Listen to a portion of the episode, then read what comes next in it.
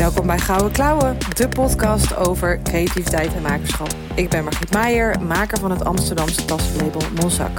Ik help medemakers om in beweging te komen en te empoweren om ook geld te verdienen met hun creativiteit. In deze podcast spreek ik makers met gouden klauwen. Ze geven een kijkje in de keuken en vertellen over alle hordes op hun pad. Zoals geld verdienen, plut zijn, gebrek aan inspiratie, gedoe met klanten en kwetterende kwelgeesten.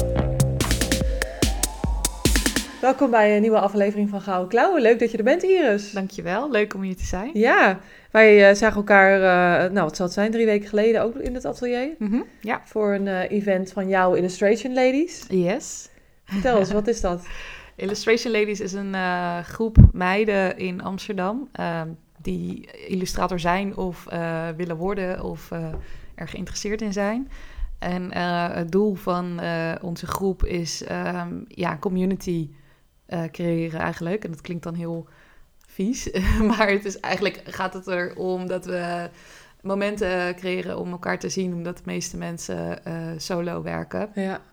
En het is leuk om een beetje met soort collega's te sparren of een drankje te doen of uh, ervaringen te delen. Dus uh, we organiseren markten of exposities of um, nou ja, open studio's zoals die van jou toen. Uh, en dan nodigen een, een, aantal me meiden uit en dan ja, om op een informele manier eigenlijk elkaar te ontmoeten. Dat ja. is het idee. Ja. ja. leuk. En jij bent dus zelf ook illustrator. Zeker. Ja, anders mag je er niet bij. en ik animeer ook. Wat zeg je? Ik animeer ook. Ah, je animeert ook, ja, zeker. En maar vertel eens, hoe, uh, hoe, hoe ben jij daar gekomen? Uh, introduceer jezelf eens voor de luisteraar. is goed. Ik ben Iris van den Akker. ik ben 30 jaar en ik ben uh, illustrator en animator. En uh, ja, heel cliché, dat heb ik altijd al willen worden. Dus uh, ik teken al sinds uh, kinds af aan. En ik wilde een heleboel dingen worden toen ik jong was. eerst striptekenaar en toen Disney-animator. dus het was altijd wel een beetje een commercieel haakje zat eraan. Ik wilde nooit kunstenaar worden of zo, of zelf dingen doen. Um, en toen ja, ben ik naar de kunstacademie gegaan. Um, en ik kon nooit heel goed kiezen tussen animatie en illustratie. Dus ik heb wel illustratie gestudeerd, maar ik heb daarna een animatiemaster gedaan op het Sint Joost in Breda. En um, ja, sindsdien doe ik eigenlijk uh, allebei. Ja. Hey, en het commerciële haakje wat je noemt, wat, mm -hmm. wat maakte dan dat je... Want de, de, de, echt een academie, dat is dan niet per se... Daar leer je niet per se commercieel denken... maar jij wilde dat sausje er gewoon zelf overheen gooien dan? Ja, ik denk dat dat een beetje vanuit mijn achtergrond en mijn familie komt. Uh, mijn ouders zijn allebei ook ondernemer. Mm -hmm. um, dus het was voor mij altijd al heel logisch vroeger... dat ik ooit voor mezelf zou beginnen. Um, dat voelde gewoon het meest passend, denk ik. En ik denk ook omdat de meeste illustratoren die werken ook voor zichzelf of ja, als freelancer in opdracht. Dat, dat, dat was gewoon een logische stap voor mij om te doen. Um, en ik denk dat dat dus ook een beetje van huis uit mee heb gekregen. Ik best wel uh, kom uit een gezin die heel nuchter is en veel hard werkt en ook ja, ondernemend is uh, ingesteld. Dus um, ja, ik heb wel gewerkt ook. Ik heb ook in dienst gewerkt. Uh, uh, en, en heel veel bijbaantjes gehad vroeger, maar dat was altijd wel een beetje een, uh, een end goal, zeg maar. om, om voor mezelf te beginnen. Ja, ja. ja. En, en begin je dan een opleiding ook anders, als je weet dat dat is mijn einddoel? Want ik denk dat er ook op dat soort academies kan mensen, mensen uh, starten die misschien niet geloven dat je er ooit geld mee zou kunnen verdienen. Ja, dat klopt. En dat vond ik vrij frustrerend toen al. Want ik ben best wel ook een beetje streberig op dat gebied. Dat ik denk van ik wil, ik laat wel even zien wat ik, uh, wat ik kan. Um, en dat het, dat het kan? En dat het kan, ja, ja. dat is vind ik heel belangrijk. Uh, je kan er inderdaad echt goed geld mee verdienen. Um, en um, het is, je moet alleen wel weten wat je doet, zeg maar. Er zijn Mhm. natuurlijk ook een, heel veel, een heleboel beunhaans op de markt, helaas. Um, en uh, je moet zelf weten wat je waard bent en hoe je dat verkoopt. Nou ja, daar kan je heel lang uh, over, uh, kan ik heel lang over praten. Maar ja, op de academie was dat soms wel frustrerend, omdat ik wist, je wordt opgeleid tot illustrator in vier jaar Mm -hmm. op de bachelor. Maar er zijn nauwelijks of ja, geen illustratiebanen. Dat wist ik toen ook. Dus um, ik weet nog wel dat we uh, gesprekken hadden met docenten van... oké, okay, maar um, uh, we kregen heel veel inhoudelijk les. Dus uh, we kregen creatief denken, oplossingsgericht denken... Um, technisch ook op zich wel. en daar werden we dan ook op beoordeeld. En op, op presentatie, dat soort dingen. Maar op een gegeven moment weet ik dat ik nog een gesprek had van... oké, maar zometeen ben ik afgestudeerd wat is dan mijn uurtarief? Hoe moet ik mijn prijzen bepalen? Hoe, hoe maak ik überhaupt een factuur? Ik weet helemaal niks. Ehm, en daar kregen we dan wel één of twee lesjes over. Een uurtje, geloof ik. Oh, ik kan me herinneren dat ik iets heb gehad, maar dat was zo ontzettend basis. Uh, het was eigenlijk gewoon van ja, zoek het zelf maar uit. En toen zeiden, ik weet ook nog dat één docent zei van ja, als je je inschrijft bij de KVK, dan zijn er cursussen en die leren je dat dan wel. Succes ermee. Ja, ja, terwijl ik begrijp het aan de ene kant wel, want je leert zelfstandig. Ehm, eh, eh, het is de bedoeling dat je het allemaal zelfstandig uh, doet. En uiteindelijk moet je ook op eigen benen kunnen staan. Dus je moet het zelfstandig kunnen uitzoeken. Maar tegelijkertijd denk ik, we studeerden af met, ik denk, 30 man. En dat was alleen in Breda. We hadden ook nog een groep in Den Bosch. En ja, dat elk jaar. En dat is één academie. Dus hoeveel illustratoren studeren er af per jaar? Die eigenlijk gewoon niet weten wat ze moeten doen op dat gebied. En dat vind ik dan wel zorgelijk omdat ik wel van mening ben dat je in elk geval wel een basis zou moeten weten als je als de academie ook zoiets heeft van ja, we leiden je op tot zelfstandige. Ja.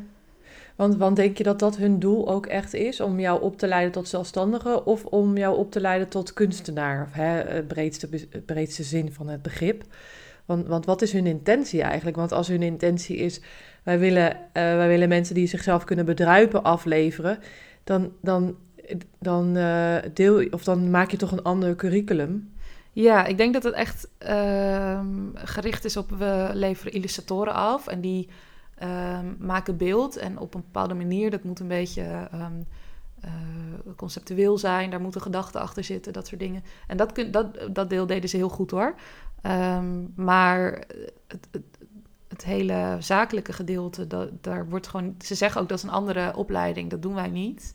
Tenminste, toen de tijd. Ik moet wel zeggen, ik ben nu um, afgelopen paar jaar af en toe gevraagd voor een gastles op het Sint Joost. En ik geloof dat ze er nu wel meer ehm, aandacht aan ondernemings, uh, ondernemerslessen uh, steken. Mhm. Maar toen ik studeerde was dat dus best minimaal. En toen zeiden ze ook, we, we, um, we laden je op tot illustrator. En uh, ja, dat ondernemende, dat moet je zelf gewoon maar uitzien te vogelen. En ik had dan nog ouders die zelf ook ondernemen. Dus, dus, voor mij was de stap minder groot. Ik kon mijn ouders ook wel vragen hoe een factuur eruit zag, zeg maar. Ja. Maar ja, als jij twee ouders hebt die in dienst werken... ik denk dat dan de stap om zelf te ondernemen zonder backup plan... zeg maar best wel groot kan zijn ook. Ja, ja. ja, ja en helemaal omdat jij met voorbedachte raden eigenlijk begon eraan. Ja, ja. Dus dan luister je toch ook met een ander oor, denk ik. En kijk je met een ander oog. Ja, ik denk ook wel dat ik daar toen... ik was heel bewust van... oké, ik ga zo meteen voor uh, opdrachtgevers werken. Dus Tuurlijk teken ik ook dingen die ik zelf leuk vond. Maar ik was me wel heel erg bewust van dit moet verkopen. En dit moet wel een doel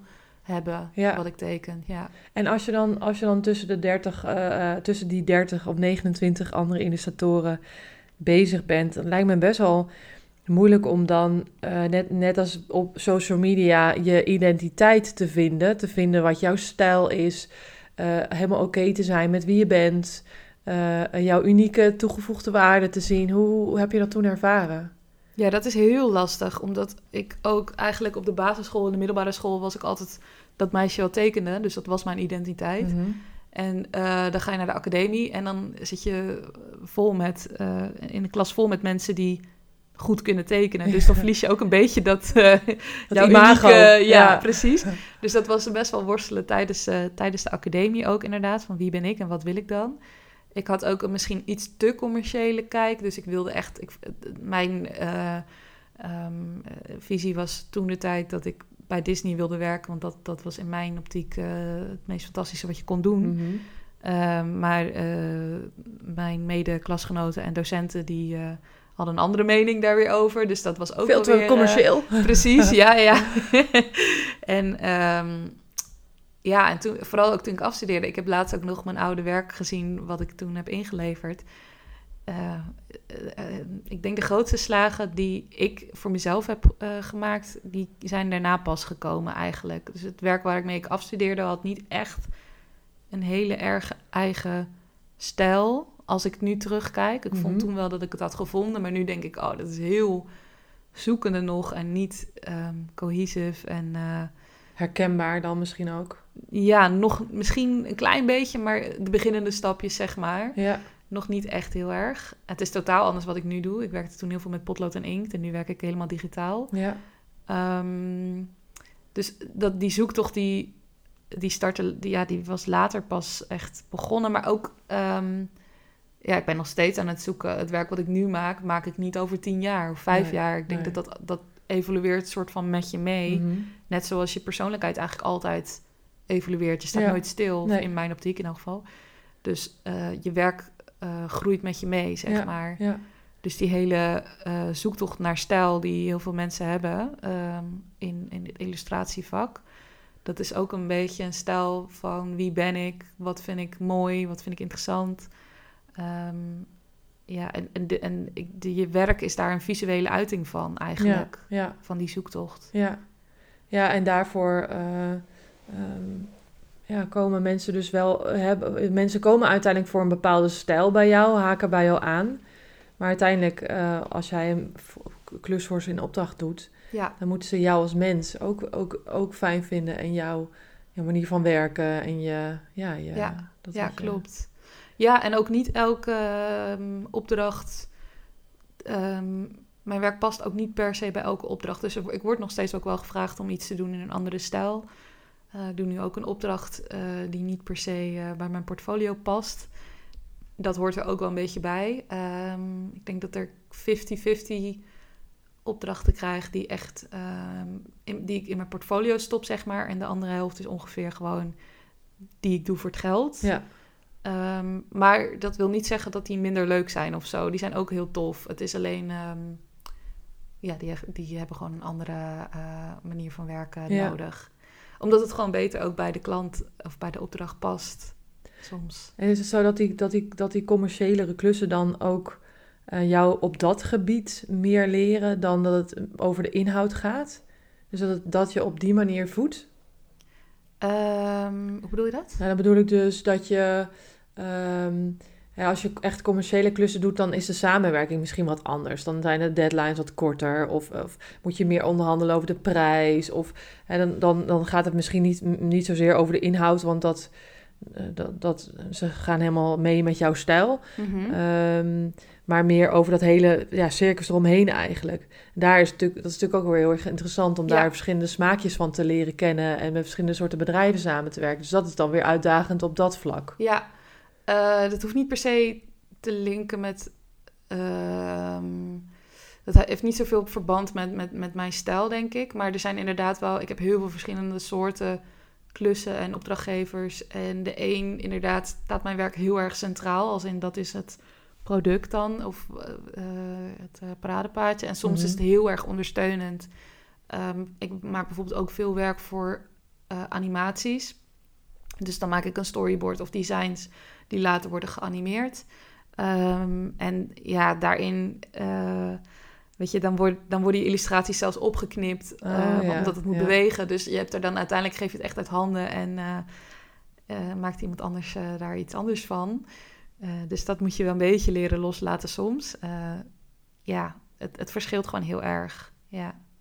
Ja, en, da- en dat is waarschijnlijk de eerste keer dat je denkt, oh my god, wat gebeurt hier? En de tweede keer denk je, oh ja, dat zou kunnen gebeuren. Dus dan Ja. ben je ook flexibeler in dat soort, eh, met dat soort verschillende samenwerkingen. Ja, en het hoort er ook gewoon bij. Dus ik denk dat je daar. ehm, ik, ik zie dat gewoon als, als het is mijn werk en eh, het is niet. ehm, ik moet ook zeggen, dat zijn meestal de klussen ook waar niet per se mijn, mijn, mijn hele ziel en zaligheid bloot in liggen of zo. Dat is dan een uitlegfilmpje over een. eh, eh, warmtepompen in de gemeente Haarlemmermeer Oh ja, of zo, ja, weet je wel. Dus eh, dan, dan teken ik een aantal poppetjes en warmtepompen en, eh, een, paar, en een dorpje. En ja, daar ligt niet per se... Ja, precies, maar daar ligt niet heel mijn ziel en zaligheid Nee. in. Dus nee. dat kan ik dan ook wel loslaten. En voor andere projecten heb ik, ehm, ehm, stop ik wat meer liefde in. Omdat, zijn, omdat die projecten liggen di- dichter bij mijn aan het hart. Of vind ik interessanter. Of ze Ja. laten me meer vrij. En ze zeggen, joh, we vinden je werk zo tof. Ehm, geef je maar je eigen draai aan, weet je wel. Dus Ja. dat krijg ik ook wel eens. Ja. Ehm, dus ja, dat verschilt gewoon per opdracht. Ja. ja. Hey, en, en, en vroeger thuis eh, was je dus al, eh, al... Je was altijd aan het tekenen, zeg je? Ja. Is dat iets eh, wat vroeger thuis... ehm, eh, encouraged werd, aangemoedigd werd om, om iets te maken, om bezig te zijn? Ja, ik denk het wel. Ik was altijd wel. Ik was niet per se altijd aan het tekenen. Ik was wel altijd aan het maken. Ik had een heel eh, soort eh punnik en brei doos met eh, haken gebeuren. Daar heb ik ook heel veel gedaan. Gekleid, Lego, buiten hutten bouwen, dat soort dingen. Ik was altijd dingen aan het bouwen of maken Mhm. of tekenen. Ehm, dat werd wel aangemoedigd, denk ik, omdat mijn ouders eh, waarschijnlijk dachten, nou, dat is, weet je, creatief bezig zijn, dat is goed voor de geest en zo. Mhm. Maar niet per se. eh, mijn vader is eh, accountant en mijn moeder is bloemarrangeur. Dus mijn vader heeft echt geen kaas gegeten van het hele creatieve vak überhaupt. Mhm, dus die mhm. heeft daar weinig. eh, ehm, ja, hij heeft, nooit, hij heeft altijd wel aangemoedigd of zo, maar hij heeft er verder geen kaas van gegeten. Nee. En mijn moeder, die, die is wat creatiever, dus die, ehm, die heeft dat wel... ja, ja, het werd wel aangemoedigd. Het werd nooit alleen... ehm, eh, hoe zeg je dat? Het was wel een... eh, eh, ik weet nog dat toen, toen ik naar de kunstacademie ging... Dat er, dat er wel gesprekken over waren van... Oké, en hoe ga je dan je geld ermee verdienen, weet je wel? Dus ze waren altijd wel van je mag doen wat je wil, Mhm. maar ook denk ik een beetje voorzichtig van ja, wij kennen dat vak niet, dus ik hoop dat het goed komt, ja, zeg maar. Ja, ja, ja, ja. Zo, je kreeg wel wat kritische vragen even. eh, ja, van, weet je het zeker dat je dit wil? ja, meer zo van heb je er goed over nagedacht, Ja, denk ik, omdat ze gewoon eigenlijk wilden van eh, ja, of ik wel op, eh, nou, ze wilden gewoon dat ik op eigen benen kon staan, dat is heel belangrijk altijd. En eh, ik was altijd een heel zelfstandig kind, dus ik was ook heel eigenwijs en heel erg van ik kan het zelf wel en ik laat het allemaal Mhm. zelf wel zien. Mhm. Ben ik nog steeds wel. Een Dus, beetje last eh, van bewijsdrang? Ja, onwijs. En tegenover wie wil je je bewijzen? Ja, dat weet ik eigenlijk ook niet zo goed. Daar heb ik laatst ook heel vaak over nagedacht. Eh, ik werd vroeger op de middelbare school door docenten of medeleerlingen wel gezegd... ja, daar kan je nooit je geld mee verdienen, weet je wel. Ja. Toen had ik als kind al wel van, wacht maar, ja, weet je wel. ja, ja, ja. En ik had altijd het rare visioen van, nou, als ik dan bij Disney werk... dan staat mijn naam op de aftiteling. En als al die... eh, ehm, mijn medeleerlingen dan met hun kinderen naar de film gaan... dan zien ze mijn naam daar staan. Oh, En dan denken ze, ach, zie je wel, het is toch gelukt. Terwijl ik denk, stel dat dat had gebeurd... wie let er nou helemaal op alle namen ook? Dus dat was gewoon een raar visioen in mijn hoofd. En dat heb ik nu wel los kunnen laten hoor. Maar het zit er nog steeds wel in van... ehm, ja, er zit nog wel steeds wel een heel erg bewijsdrang in. En ook wel een stiekem een soort van, ik mag niet falen of zo. Mhm. Ehm, ja, waar dat dan helemaal vandaan komt, weet dat zal wel heel diep ergens zitten. Maar Het mag niet mislukken. Het moet gewoon slagen. ja, ja, denk Ja. het, ja. Ja, en, die, en, die, en die, dat met die, dat bewijsdrang, dat herken ik wel hoor. Dus vaak, vaak het gedrag van mensen is ergens naartoe of ergens van weg. En ik denk dat de mensen die echt geld kunnen verdienen met hun creativiteit, eh, die naartoe beweging hebben. En Mhm. die kan zich uiten in ik laat, wel even, ik laat je wel even een poepie ruiken. Of, eh, of ik, ik, eh, je, je, je onafhankelijkheid of je vrijheid is belangrijk voor je. Mhm. En dan, dan ga je gewoon all the way om dat voor elkaar te krijgen. Ik denk Ja. dat daar een soort, ja, gewoon actie, een soort actie, beweging in zit. Ja, Die je ook constant laat zoeken naar nieuwe mogelijkheden. En het daardoor dus gewoon, ja, eh, werkt. In plaats van dat je denkt, oh nee, ik ga niet eens aan beginnen, want het zal wel misgaan. ja, En dat is meer die, die van weg beweging. ja, En dat zie ik, zie ik meer bij, bij eh, succesvolle makers. Dat ze, dat ze ja, heel erg die, na- die er naartoe beweging eh, hebben en energie. En daardoor een soort van ja, unstoppable beasts worden. ja, het brengt je ook wel ver Ja. natuurlijk. Want ehm, het, het geeft een soort natuurlijke schop onder je kont altijd. ja, Maar het kan ook vermoeiend zijn af en toe. Soms denk ik wel eens van, nou, wat heb ik nou nog te bewijzen? Het gaat toch goed, weet je wel? En Ja. dan, eh, ja, dan gaat het Ja. denk ik niet meer over het resultaat, maar meer over constant die... die het is eigenlijk een soort eh, obsessie geworden, om, eh, een verslaving, om... Ja. Om eh, eh, elke keer weer met het volgende bezig te zijn. En ik herken dat wel. Want maar voor, en voor mij, ik, ik, op een gegeven moment merkte ik dan dat, dat ik best wel ver van mezelf afgedreven was daardoor. Of in ieder geval eh, er meer in zat voor het bewijzen dan voor er mijn eigen, hoe zeg je dat, brandstof mee, mee creëren. ja, en dat je dan dus, dus ja, vooral bezig bent met, met wat de ander wil. ja, Want die zet jou lekker aan het werk ja, eh, dan wat je zelf eigenlijk wil. klopt. Ja, En- heel erg. Dan is het heel erg, eh, je kan goed hard werken, je, je bent in beweging, maar het is ook eh, als, je dus gaat, als je dus gaat stilstaan staan bij, maar wat vind ik eigenlijk leuk en waar zit mijn kracht Mhm. eigenlijk? Eh, dan word je eerst heel erg gefrustreerd over alle energie die je hebt gepompt in eh, jezelf bewijzen.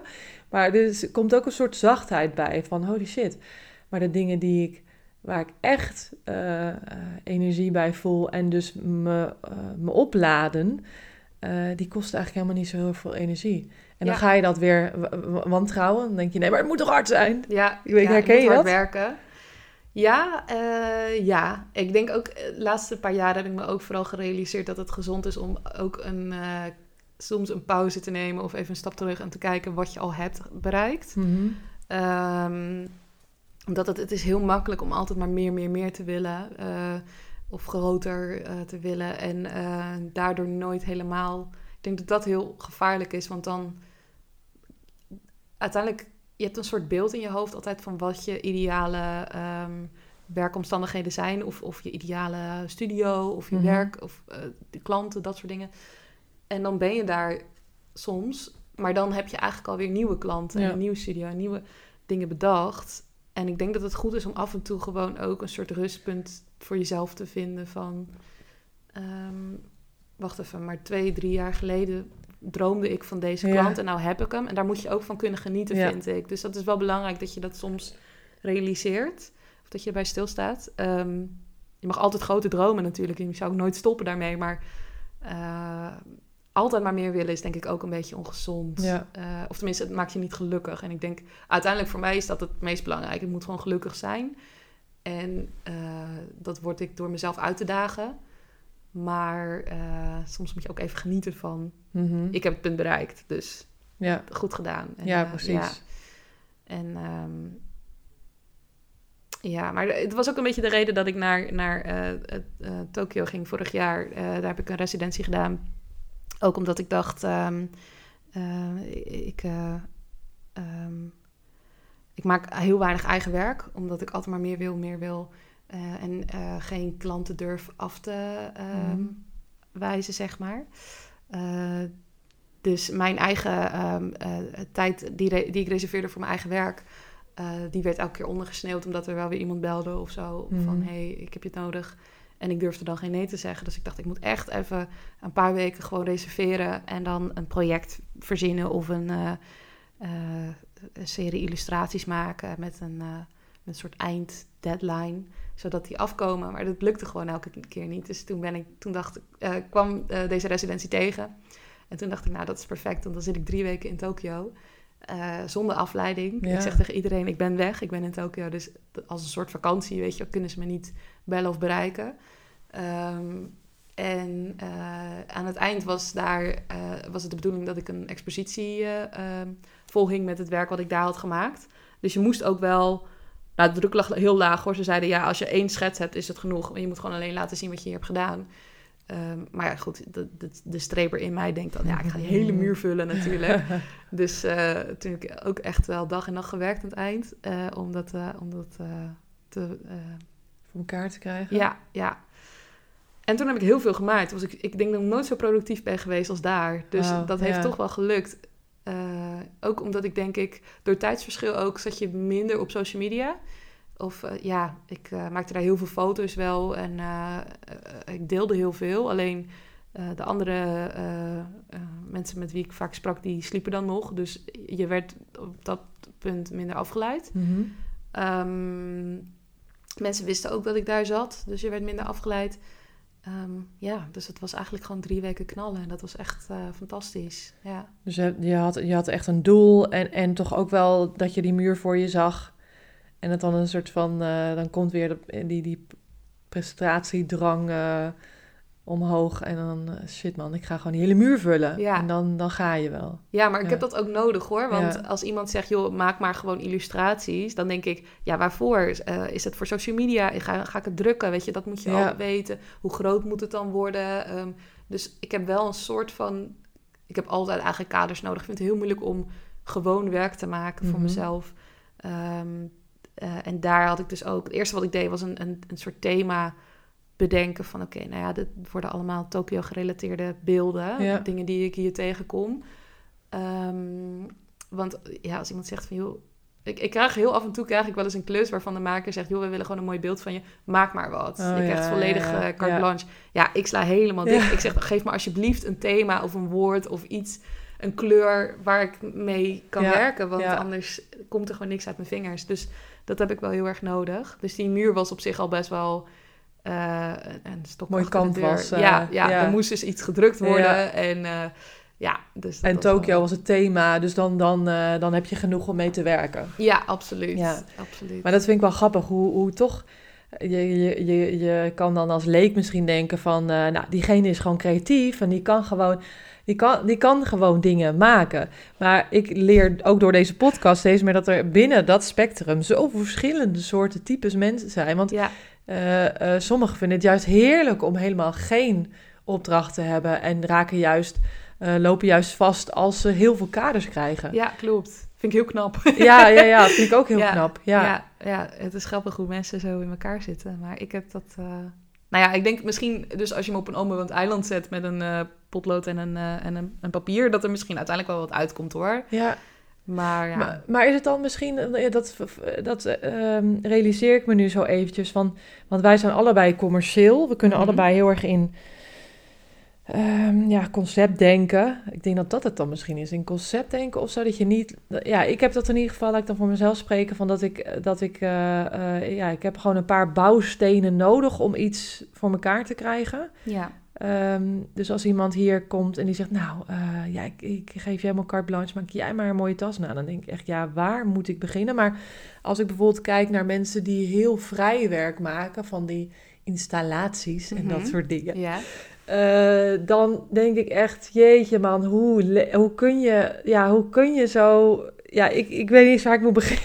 Als u Nee, dat snap ik. Maar zo het is ook- vrij. Het is denk ik ook, als jij een tas zou maken en je zou voor, voor een museum, je zou het hem op een sokkel zetten ergens.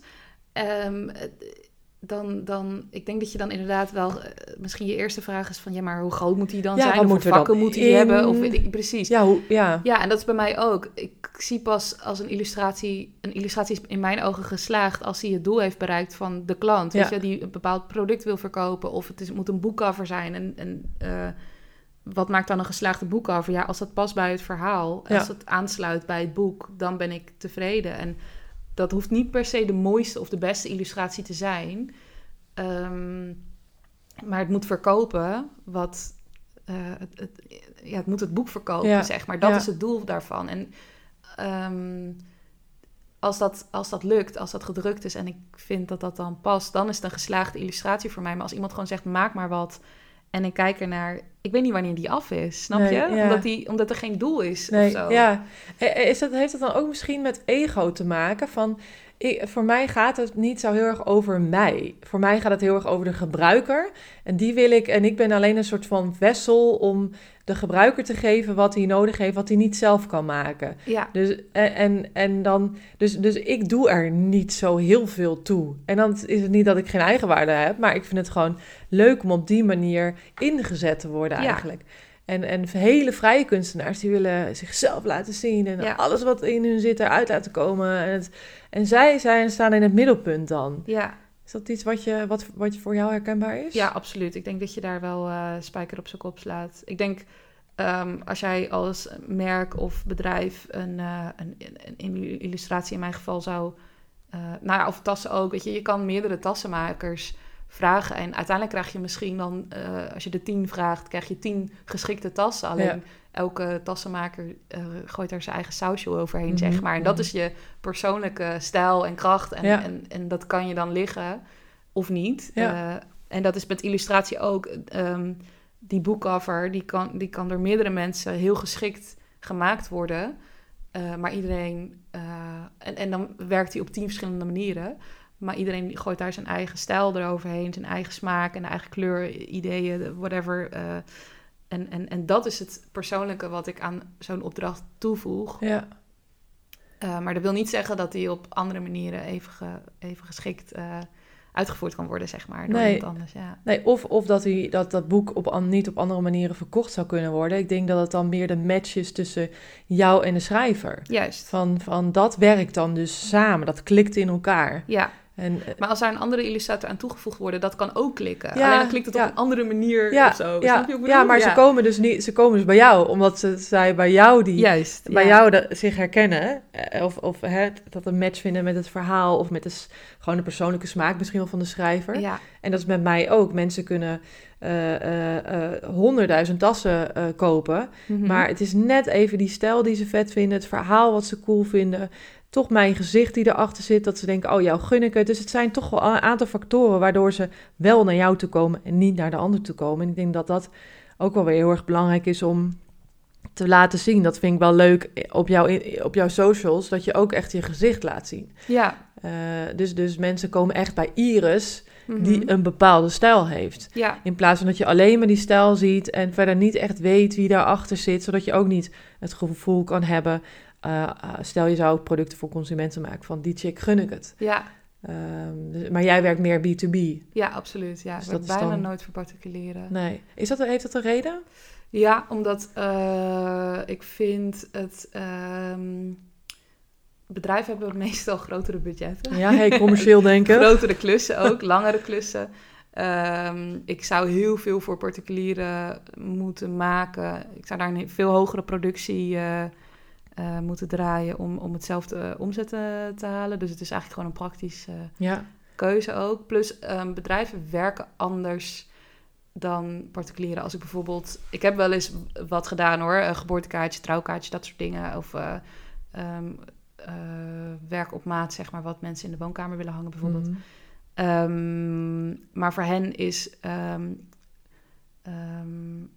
Ze zijn dan niet gewend aan dat je bijvoorbeeld twee feedbackrondes krijgt of zo. Want voor hen is het een heel diep persoonlijk item. En dan bedoel je dus dat mensen aanpassingen kunnen maken op het, op het ontwerp. Met feedbackrondes, Ja, toch? ja, dus als ik een schets inlever en, dat en dan, dat- dan, dat is het moment dat zij kunnen zeggen: joh, eh, ik wil dit of dat anders, Ja. of ik ben het daar niet mee eens. Dan werk ik het uit. Dan mag je dan eigenlijk, het meestal hè, maar dan mag je daar ook nog iets over zeggen. En daarna is het gewoon klaar. Maar er zijn wel eens gevallen geweest die, die zeggen: ja, maar weet je, het is, het is mijn persoonlijk, het is een heel ehm, eh, persoonlijke illustratie.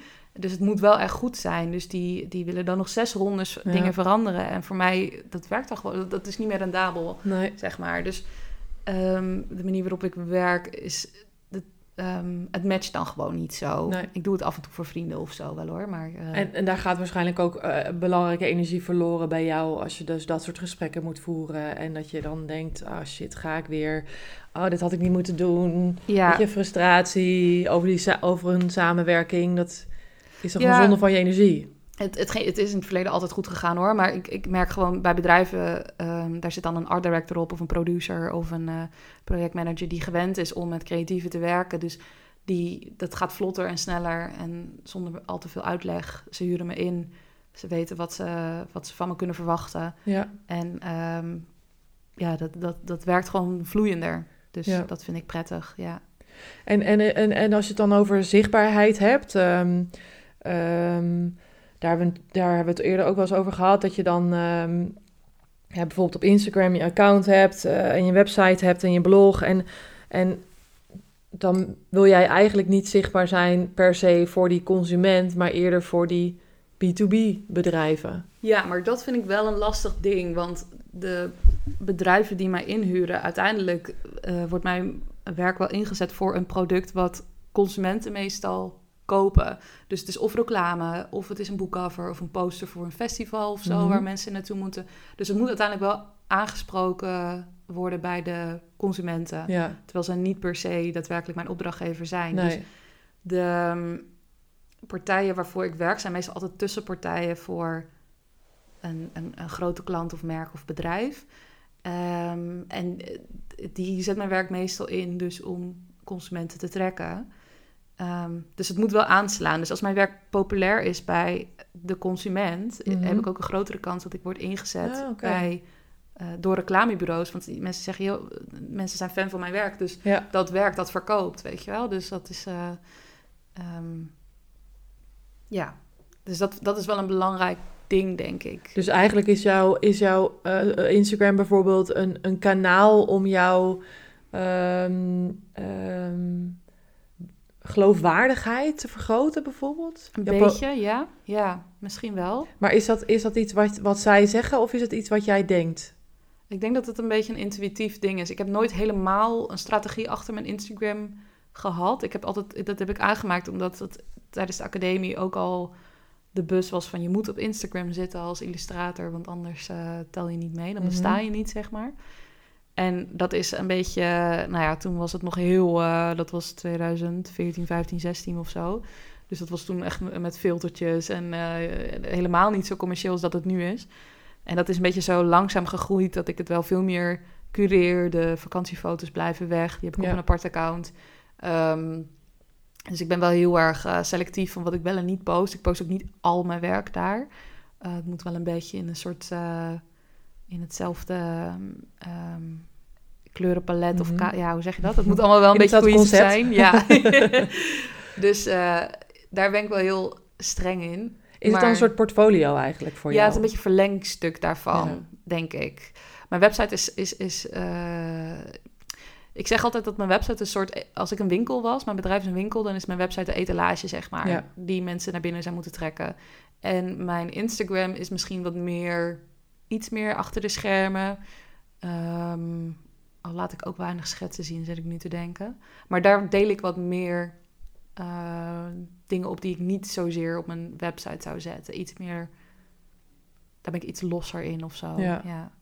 Ja, en een website is ook iets wat moeilijker aan te passen is, en up-to-date is dan je Instagram. Als ja, je plus mensen zien dat dan ook niet dagelijks. Weet je, Nee, dan zou je er echt naartoe moeten gaan. Maar als je me volgt, dan, en, eh, dan, eh, dan komt mijn werk gewoon als het goed is. Tenminste, het algoritme is echt dramatisch tegenwoordig. Maar als het, eh, het idee is dat dat dus tussen je feed door, Ja.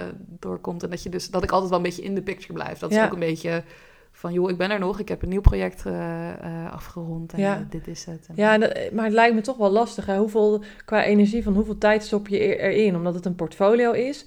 Maar is het niet al duidelijk wat je stijl is? Hè? Ik ga nu even als advocaat van de duivel Mhm. spelen. Maar is het niet al duidelijk wat je stijl is? Hoeveel tijd stop je daarin? Je klant, de consument is niet je klant.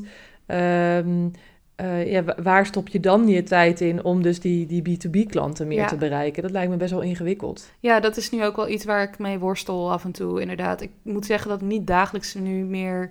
En er was een eh, periode dat ik dagelijks dingen postte op Instagram om me te laten groeien. En toen heb ik ook heel veel eh, volgers erbij eh, gekregen in een korte tijd. Dus dat was heel leuk. Maar dat kost me zo ontzettend veel energie. En ik merkte dat de klanten die ik kreeg... Ik vraag altijd van waar heb je me gevonden Ja. als, ik, als het een nieuwe klant is. Slim. En heel vaak is dat niet Instagram, maar vaak is het, joh, we zagen je werk, ehm, eh, iets wat je ehm, voor iemand anders hebt gedaan, of eh, je, we hebben je naam getipt van een andere. Meestal zijn het andere klanten die mijn werk refereren. Ehm, dus het gaat heel veel blijkbaar via via. En ik, dat, dat vind ik ook heel fijn om te horen, want blijkbaar werken mensen dan fijn met mij Mhm. dat ze me wel refereren van... joh, je moet met haar werken, want eh, dat is, dat is gewoon een fijne samenwerking. Ehm, dus dat gaat helemaal goed. Ehm, en op Instagram krijg ik heel sporadisch... Ik heb volgens mij nog meer uit Twitter gehaald dan uit Instagram eigenlijk, denk Oh ja, ik. Ja. Dus ja. dan denk ik ook, waar, waarom steek ik daar zo ontzettend veel Ja, tijd in als het me niets oplevert? Maar tegelijkertijd vind ja, het hoort een beetje bij het illustrator zijn, denk ik. Dus ik vind altijd wel dat ik dat moet onderhouden. En ik vind het ook leuk om te doen. Ja, dat is belangrijk. Ja. Ja. Als, het niet, als het alleen maar zou moeten of dat Ja. je denkt dat het hoort. Maar er zijn echt weken dat ik niks post. Omdat ik gewoon, weet je, soms heb ik een lange klus en dan heb ik gewoon niks nieuws. Nee. Dus dan denk ik, ik ga ook niet posten om het posten of zo. Nee, nee. En, en eh, eh, heb je de optie uitzendkanalen al eh, bekeken? Want waarschijnlijk met jouw aantal volgers zou dat wel kunnen. Dus dat is een nieuwe, ehm, nieuw ding in Instagram. Dat als je naar je berichten gaat, dan kun je dus een uitzendkanaal maken. En dan kun je, ehm, kunnen mensen zich abonneren op jouw uitzendkanaal. Mhm. Het is een beetje een stomme vertaling, maar ik geloof dat het iets met channel heet in het Engels. En dan ehm, krijgen mensen dus in hun DM een bericht van jou. Oh, echt? Ja, en, en dan, dan kun je gewoon daar exclusieve tussen haakjes content. Ah, indelen. Dus een soort Patreon binnen, binnen Instagram. Nou, het is dus niet betaald. Oké. Eh, het is gratis, maar het is wel zo. Ik, ik ben dus een beetje aan het testen ermee, want ik kan het dus nog niet, omdat ik blijkbaar nog niet genoeg volgers heb, omdat ze het langzaam aan het uitrollen zijn. Maar ik heb dus mij op een aantal uitzendkanalen ingeschreven en het- je ziet de hele tijd als eerste die content. Ja. Dus het is heel goed eh, voor je zichtbaarheid. Oh. Alleen dan moet je wel weer een strategie hebben, vind ik, ja. over wat ga je doen op die uitzendkanalen. ja, ik zou niet weten wat ik dan moet Wat Voor jou lijkt het me logisch, inderdaad. Want jij hebt dan... eh, ehm, je verkoopt workshops en... eh, het- Ja, data zou je dan kunnen delen inderdaad Ja. met Monzak. En met de makerscoach zou het gewoon het tips eh, van hoe, eh, hoe kom je... hoe, drie tips om minder in je hoofd te zitten en gewoon te doen waar, waar je je jazz te vinden of weet ik veel. Je kunt Ja. daar van alles voor bedenken, maar ik vind wel dat je daar iets goeds... Iets, iets daar wel goed over na moet denken, wat je, Ja. dan, wat je dan, hoe je het inzet. Ik moet zeggen dat ik ook niet echt een strategie heb voor Instagram. Dus ik post gewoon als ik een nieuw project heb en dan, en dan zeg ik, dit is, het, dit is het werk. En heel soms eh, zet ik daar nog een schets bij of zo, maar eigenlijk ook niet echt heel Ja. vaak trouwens. Dus ik, ik zou niet weten wat ik... Ja, daar zou ik over na moeten denken, Ja. wat, wat, wat ik dan... Maar het is dan ook... Je bouwt dan heel erg een community op. En op Ja. zich is dat wel interessant om te doen. Ik heb ook een webshop bijvoorbeeld. Ik verkoop af en toe wel een sprint. Dat vind ik leuker dan echt voor particuliere werken. Ik vind, vind het wel heel leuk om prints te maken, maar die heb ik dan zelf van tevoren al gedaan, gemaakt. Ehm, eh, maar dat zou ik bijvoorbeeld wel uit kunnen breiden. Ik zou dat meer kunnen promoten. Ja, of exclusiever werk maken. Bijvoorbeeld Mhm. Marloes de Vries, die is dan eh, aan het schilderen geslagen. Ja. Nou ja, dat klinkt ook heel erg aan het schilderen geslagen. Die is aan het schilderen. Ik snap wat je wilt. heel tof werk ook. ja, maar die, die vertelde daar wel eens over dat zij gewoon een soort van drop doet in een nieuwsbrief. Ja, En dat het dan binnen vijf minuten uitverkocht is. En het zijn Ja. dan, dan twaalf werken waar ze maanden aan gewerkt heeft. Die gaan in één keer in de verkoop. Zoiets zou je ook via zo'n uitzendkanaal kunnen doen. Dus exclusief werk. ja absoluut. Eh, en dan één keer per maand dat via zo'n kanaal. Eh, dus dat het echt niet van ex- exclusieve deals en acties. dat het dan ook echt heel exclusief Ja, is. ik snap. Ik heb meer kunstenaars die op die manier eh, werken. Die maken dan maandenlang werk en die verkopen het binnen vijf minuten uit. Ja. Inderdaad, door of een nieuwsbrief of dit soort dingen. Maar nu hebben we eigenlijk een marketingstrategie bedacht voor eh, iets. Dan moet ik wel het werk gaan maken, zeg maar. Ja, maar dat is wel interessant, hè? Want, want je, je, je bent op een soort spoor terechtgekomen. Voor jou is het dus heel vanzelfsprekend om commercieel te denken. Maar ik ben ook wel heel erg nieuwsgierig als ik jou hoor praten. Maar wat wil jij? Ja, nou daar ben ik dus nog steeds een beetje naar op zoek. Ja, en, da- en dat, en, maar dat zou dus wel, daar zou iets uit kunnen komen. Wat potentieel leuk is voor de uitzendkanaal. Ja, dat zou kunnen. Nou ja, ik, ik heb ook eens overwogen van... eh, ik zag dat bij Frederik en bij Marloes... Ja, eh, dat die ook zijn gaan schilderen. En toen dacht ik, oh, dat, dat, vroeger vond ik dat heel tof. Dat heb ik tijdens de academie ook gedaan. Dus dat moet ik ook een keer oppakken. Maar ik heb nu al twee jaar achter elkaar het goede voornemen van dit jaar ga ik schilderen. Nou, het is nu juli. Ik Ja. heb nog steeds geen verf gekocht. nee, nee. Dus, dus Ja. er, er is ook iets, iets anders trekt ook aan je.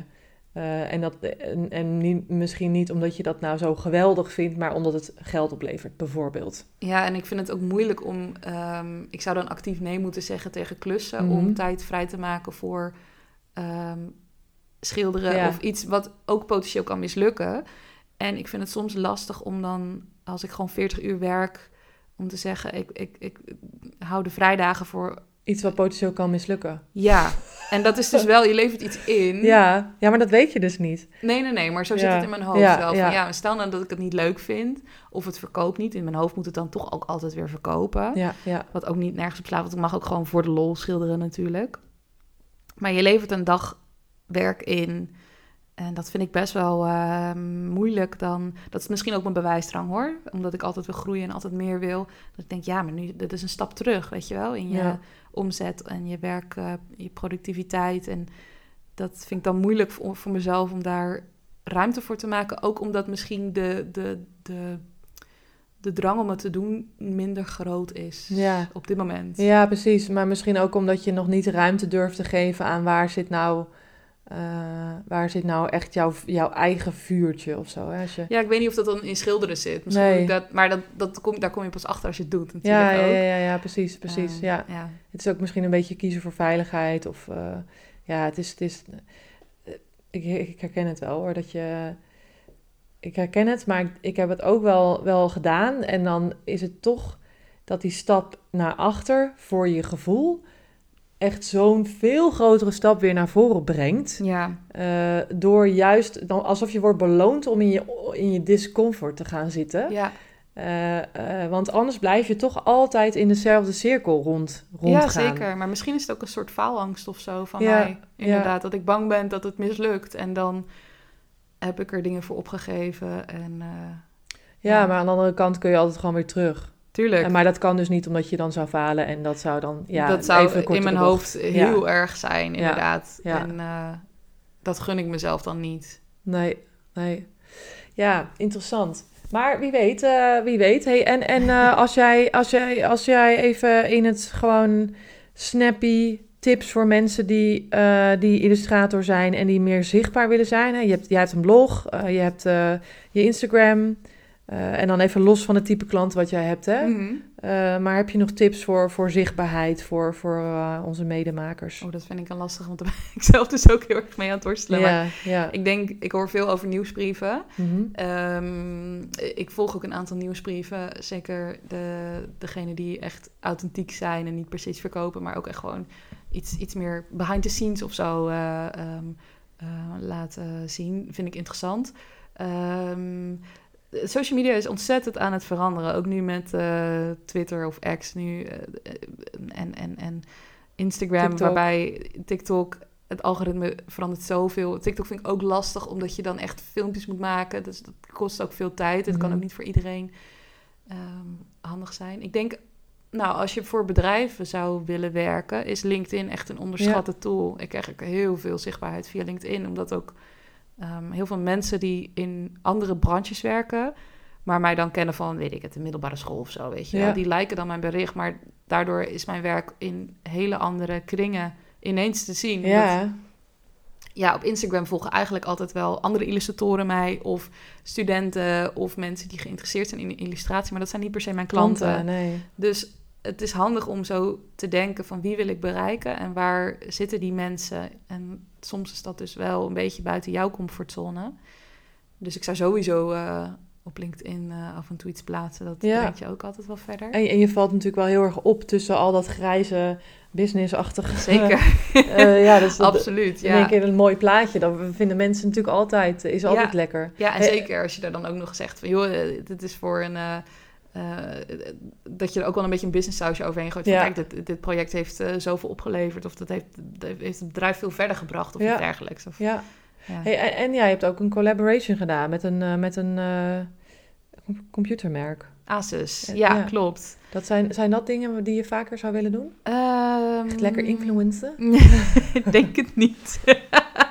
ik moet heel eerlijk zeggen, eh, ik heb het ook een beetje gedaan. Ik zeg heel vaak ja tegen dingen als ik niet zeker weet. eh, als ik een beetje twijfel en dan denk ik, oh, is dit wel wat voor mij? En dan zeg ik, ik denk ik altijd, ik, ik zeg wel ja en ik zie het wel. Ja, wat goed. Ehm, eh, want ik kan altijd zeggen, ik eh, kap ermee of dit is, blijft hierbij. Dus dit was ook een beetje, het was de tweede klus voor hun.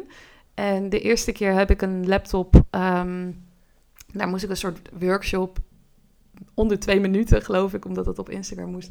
Dus dat was wel een uitdaging. Ja. Op een nieuwe laptop maken. En daar, zat een soort ingebouwde tablet in. Dus dat, die wilden ze dan verkopen aan makers. Dus Mhm. dat was op zich wel eh, een uitdaging. Ehm, maar ik, vond, ik was niet heel tevreden met die filmpjes. Ik vind ook... mm, Ik ben niet voor niets illustrator geworden, omdat ik achter de schermen denk ik beter ben dan voor. Dus ja, je voelt je toch... Ik ben niet zo goed op camera. Voel, tenminste, ik voel me dan ongemakkelijk. Ja, ik, ik ja. weet dat het minder... Het zit waarschijnlijk in mijn hoofd, maar...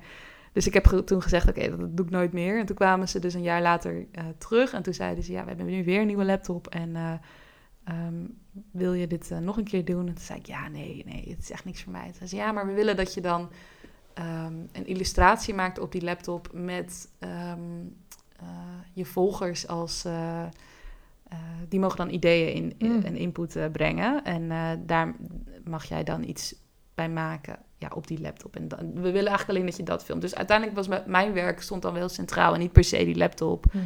Dus ik denk, onder die voorwaarden heb ik ja gezegd. Omdat het gewoon heel onnatuurlijk voelt om mij te gaan filmen en te zeggen... nou, deze laptop heeft deze specs. En Ja. ik weet überhaupt niet wat dat betekent Nee. allemaal. Dus dat voelt dan heel onnatuurlijk. Ja. Dat zou ik nooit doen. Nee, het is niet authentiek. Nee, nee. Dus ik voel wel van, oké, dit, is, dit was logischer om in mijn, ehm, op mijn Instagram te plaatsen. Maar het was ook tegelijkertijd nog steeds een soort ehm comfortzone kick voor mezelf. Van, nou ja, ik vind het heel spannend, ik vind het eng. Ik hou er niet zo van om mezelf al pratend in beeld te, krij- eh, te zien.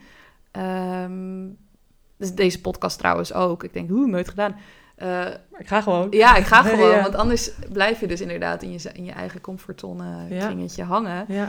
Um, en nu ik dit zo heb gezien, ik vond het leuk om te doen. Ik vond het, uh, oké, ik zeg niet dat ik het nooit zou doen. Maar ik denk niet dat ik daar nou per se uh, um, mijn liefde ligt of zo. Nee, het ligt heel erg aan wie er dan aanklopt. Maar, ja. Uh, nou ja, maar wel, maar dat kan je dan wel weer zeggen natuurlijk. Hè? Dat, Ja. Ik heb het een keer gedaan, ik weet hoe het is. eh, en dan zie je de volgende keer wel weer. Maar dan is het de volgende keer niet zo'n grote stap. Nee, en het scheelde ook. eh, mijn studiogenootje is eh, editor en filmmaker. Dus ik zei, ik, ik doe het alleen onder voorwaarde dat zij dan filmt en edit. Zodat ik dat Oh. zelf niet hoef te doen. Ja. Want dat is dan ook weer extra werk. Waar ik, ik heb helemaal geen goede camera of zo. Nee. Ehm, dus dan besteed je dat gedeelte dan ook alweer uit. Dat werkt ook wel. En dan Ja. ook als je het samen doet, voel je je minder... ehm, Voor lul staan. ja, nou, als een camerateam binnenkomt en Ja. je kent ze niet... dan is Ja. het denk ik veel gemakkelijker Ja, dan dat het een vriendin is, weet je wel? Dus dat, dat hielp ook wel. Ja. Tof hoor, goed gedaan. Ik vond ze heel... ja, ik, vond, ik ging er wel op aan. Maar dat, Denk je? Ja, ik denk, ik denk meer het eindresultaat dan het doen. ja, ja, eh, ja, ja, is, ja. is Ja, interessanter, ja. ja. ja. Hey, en heb je tot slot nog een eh, dikke tip voor onze luisteraars, voor onze medemakers? Iets, Een dikke eh, tip. ja, iets wat jou heeft geholpen of iets wat je de ander gunt. Eh, Veel makers zeggen gewoon doen. Ja, dat, kom, dat was ook mijn eerste... maar dat is zo'n dooddoener, hè? Ja, Of iets misschien met commercieel denken van eh, zo eng is het niet. nee, dat absoluut niet. Oh ja, ik zou niet... ehm, dat geef ik ook wel vaak mee. Niet denken voor de ander... vanuit de ander zijn portemonnee. Als Ja. iemand bij jou aankomt van... hé, hey, ik heb een klus. Dat jij dan denkt, oeh, 100 euro, dat is heel veel geld. Ja, misschien voor jou persoonlijk... maar dat, voor, voor een bedrijf kan dat echt peanuts zijn. Ik heb voor producties gewerkt die echt een half miljoen steken... in een eh, tv-reclame. Ja. Ehm, niet dat je dan een half miljoen moet vragen, want er zit natuurlijk een heel team bij. Maar ja. eh, om maar te zeggen hoeveel budget sommige eh, bedrijven hebben, ehm, wees daar niet bang mee. Je kan echt goed geld verdienen. Ik probeer dat altijd wel te zeggen tegen studenten ook. Eh, dit is echt een vak waarbij... Kijk, als je rijk wil worden, moet je misschien advocaat worden of iets Ja. anders gaan doen. Ja.